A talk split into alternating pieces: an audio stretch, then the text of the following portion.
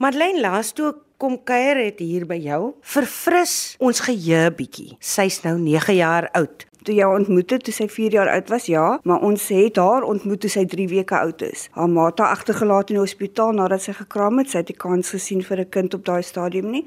Sy het nie geweet dat sy 'n seldsame siekte het nie sy wou net 'n kind hê nie. Gelukkig het ons haar ontmoet, sy het ons harte gesteel. Sy het nie goed gelyk nie met die siekte wat sy het, want dis uitgroeisels op haar liggaam. Dokters het vir ons gesê sy gaan vir 4 maande lewe, maar ons het kans gesien om vir haar 4 maande te gee dan met 'n ma en 'n pa en 'n boetie en 'n hond en 'n kat en al daai goedjies wat 'n kind moet hê. En ehm um, sy's nou 9 soos jy sê. So, sy was definitief bedoel vir ons en ons vir haar. Ehm um, dit gaan baie goed met haar. Nou sy's 'n sprankelende, gelukkige, entoesiastiese mens wat vir haar baie belangrik is om ander mense gelukkig te maak. Dit is wat sy wil doen. Sy wil eendag 'n 'n 'n animal rescue hê. Sy wil sorg vir diere en sy wil baie ryk wees want sy wil nie vir mense vra vir geld om haar te help met die diere nie. Sy wil dit alles self doen en dan wil sy 'n dokter wees daarbey en die staatspresident. Ek weet nie hoe sy alles gaan kan hanteer nie, maar ek glo sy gaan iets kan doen.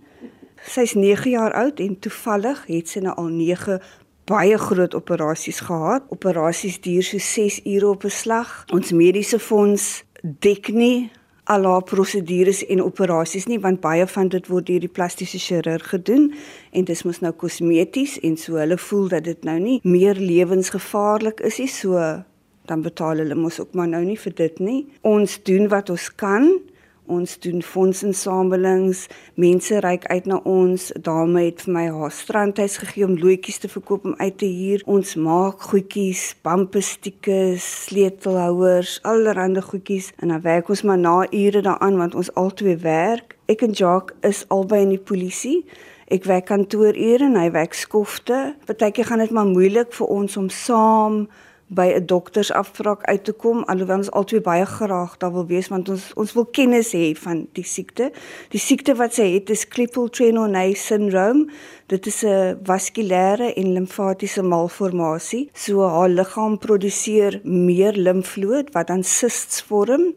Haar liggaam produseer simme been daar waar dit nie moet nie is alles aan die linkerkant van haar lyfie en ehm um, dan ook haar are is baie meer en baie groter as ons in. Ten spyte hiervan ons gaan nou by die prosedures kom en wat julle alles moet doen en julle bekommernisse en uitdagings. Sy's nou vandag in die skool ek wil baie graag met haar gepraat het, maar vertel ons bietjie van Nicholas self, hoe julle haar ervaar as ouers ten spyte van die feit dat hierdie siekte moet seer wees. Ehm um, Sjoe, ek kan vir jou sê dat dis die beste besluit wat ons nog ooit gemaak het. Sy oorheers ons heeltemal. Dis waarvoor ons lewe nou. My seuns 29, hy's 'n volwassene, hy het sy eie lewe. Ehm um, sy is positief soos ek sê. Sy sy kry ons om goed te doen wat ons nie gewoonlik sou aandurf nie. Kom ons gaan doen dit vandag of kom ons eh, nuwe goed wil sê ons moet doen. Sy's Sy het so goeie hart as sy by die skool is en daar's miskien 'n nuwe kindjie of 'n kind wat nie lekker voel nie,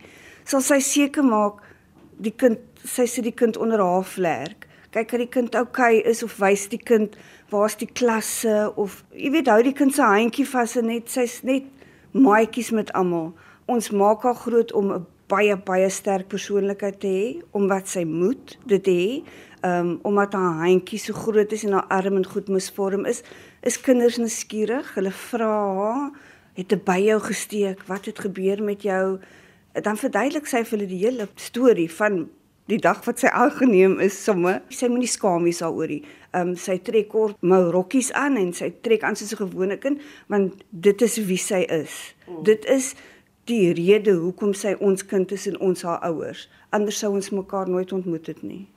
Jacques, uh, van jou kant af, wat is hierdie eienskappe van julle kind wat vir jou uitstaan? Jy weet wat jy bewonder. Ehm um, Nikki sê my my elke dag. Soos ek altyd vir gesê het, sy, sy moenie in in pas, sy moet sy moet uitstaan. Maar sy maak seker sy staan uit met haar anderste lyk. Staan sy nie terug vir goeders doen nie. Wanneer hulle 'n konsert by die skool het, gaan sy sy sy audition en sowaar as wraggie sy kry die die rolletjies. Sy het die hoofrol gekry. Hulle het 'n Kumba gehad. Sy het die hoofrol gekry as Kumba.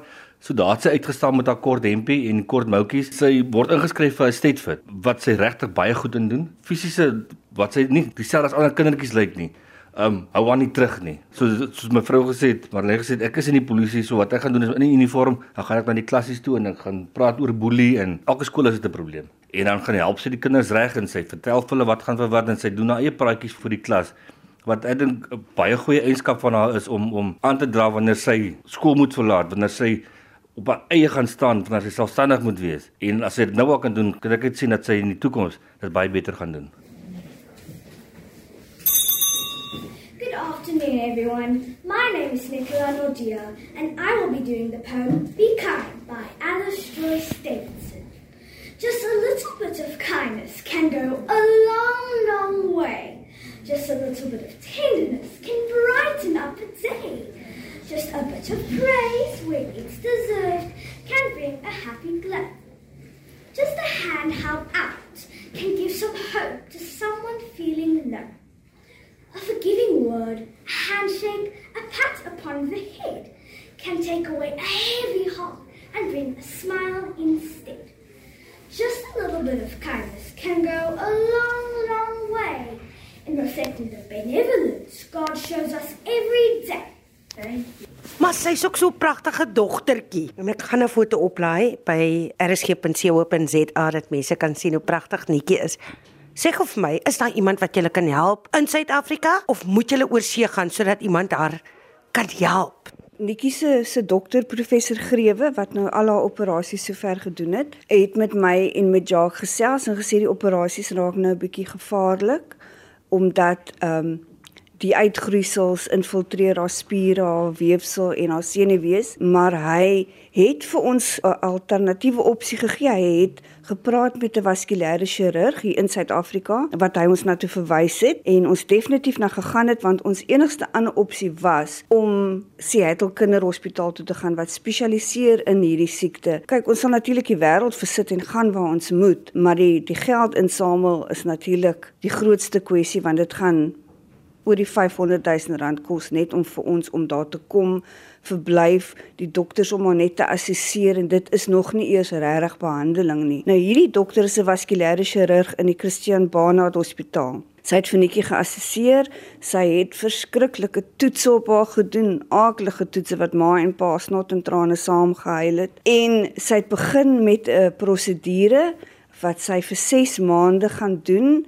Sy's op medikasie vir 6 maande. Die prosedure is, is skleroterapie. Sy word een keer 'n maand ingespuit in die geaffekteerde area arm en haar hand. Hulle fokus op die oomblik op haar boarm waar die meeste gewasse is. Hulle spuit haar in met 90% alkohol. Uh sê maar so 10 inspuitings op 'n slag vir 'n prosedure. Uh ja, dit is vir ons uh ons ons is bekommerd oor die betaling. Ons het dit ingedien by ons mediese fonds.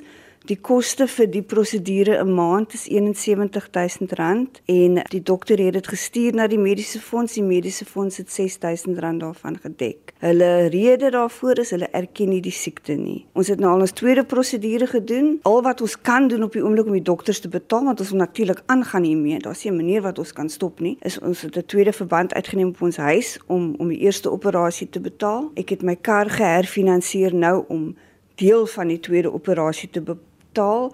Ons dink ons ons breine brand om te kyk wat ons nog kan doen. Wat is jou drome vir hierdie kind elke dag? Sy moet net 'n normale kind wees. Soos enige ander kind haar drome kan vervul. En met daardie kondisie is dit moeilik om 'n normale kind te wees. En vandaag het ek vir haar gesê, "Do what your heart desire." Wat wat jou hart begeer, doen wat jou hart begeer. Sy wil soos Madeleine gesê het, sy wil president wees, sy wil 'n dokter wees, sy wil aktrise wees, sy wil hondjies rescue. Um vir haar is net om 'n normale lewe te lei? Dit is die moeilikste vraag wat enige iemand my kan vra. Want dit wat ek vir haar wil hê, weet ek is iets wat sy ook wil hê. Um, maar ons gaan dit nie kan bereik nie want haar siekte is nie geneesbaar nie. Al wat ek vir haar wil hê is dat sy normaal kon gewees het. Normaal soos in nie 'n misvormde handjie en armpie en lyfie nie. Dat sy soos al die ander dogtertjies lyk like, en al die ander dogtertjies wat ringe aanpas en armbandjies aanpas en baie van die klere wat ons vir haar wil koop soos die wat nou in die mode is vir die klein meisietjies kan sy byvoorbeeld nie om haar handjie kry of om haar armpie kry nie en dan kry sy vir haarself weer bymekaar en dan hang sy dit terug op die rak dan sê sy vir my kom ons kyk na iets anders. Sy het die persoonlikheid en die en die hart van 'n groot mens. Sy sy's wise beyond her years. As 'n ma en ek is seker elke ma wat luister, um, ek wil haar siekte, haar sindroom wil ek wegvat van haar af. Ek ek, ek sal dit op myself vat as ek kan. Uh en en haar pa definitief ook, maar ja, wegvat van haar af dat sy net 'n normale gelukkige dogtertjie kan wees soos al die ander maatjies. Sy staan uit omdat sy so lyk, um maar sy staan ook uit omdat sy so wonderlik is.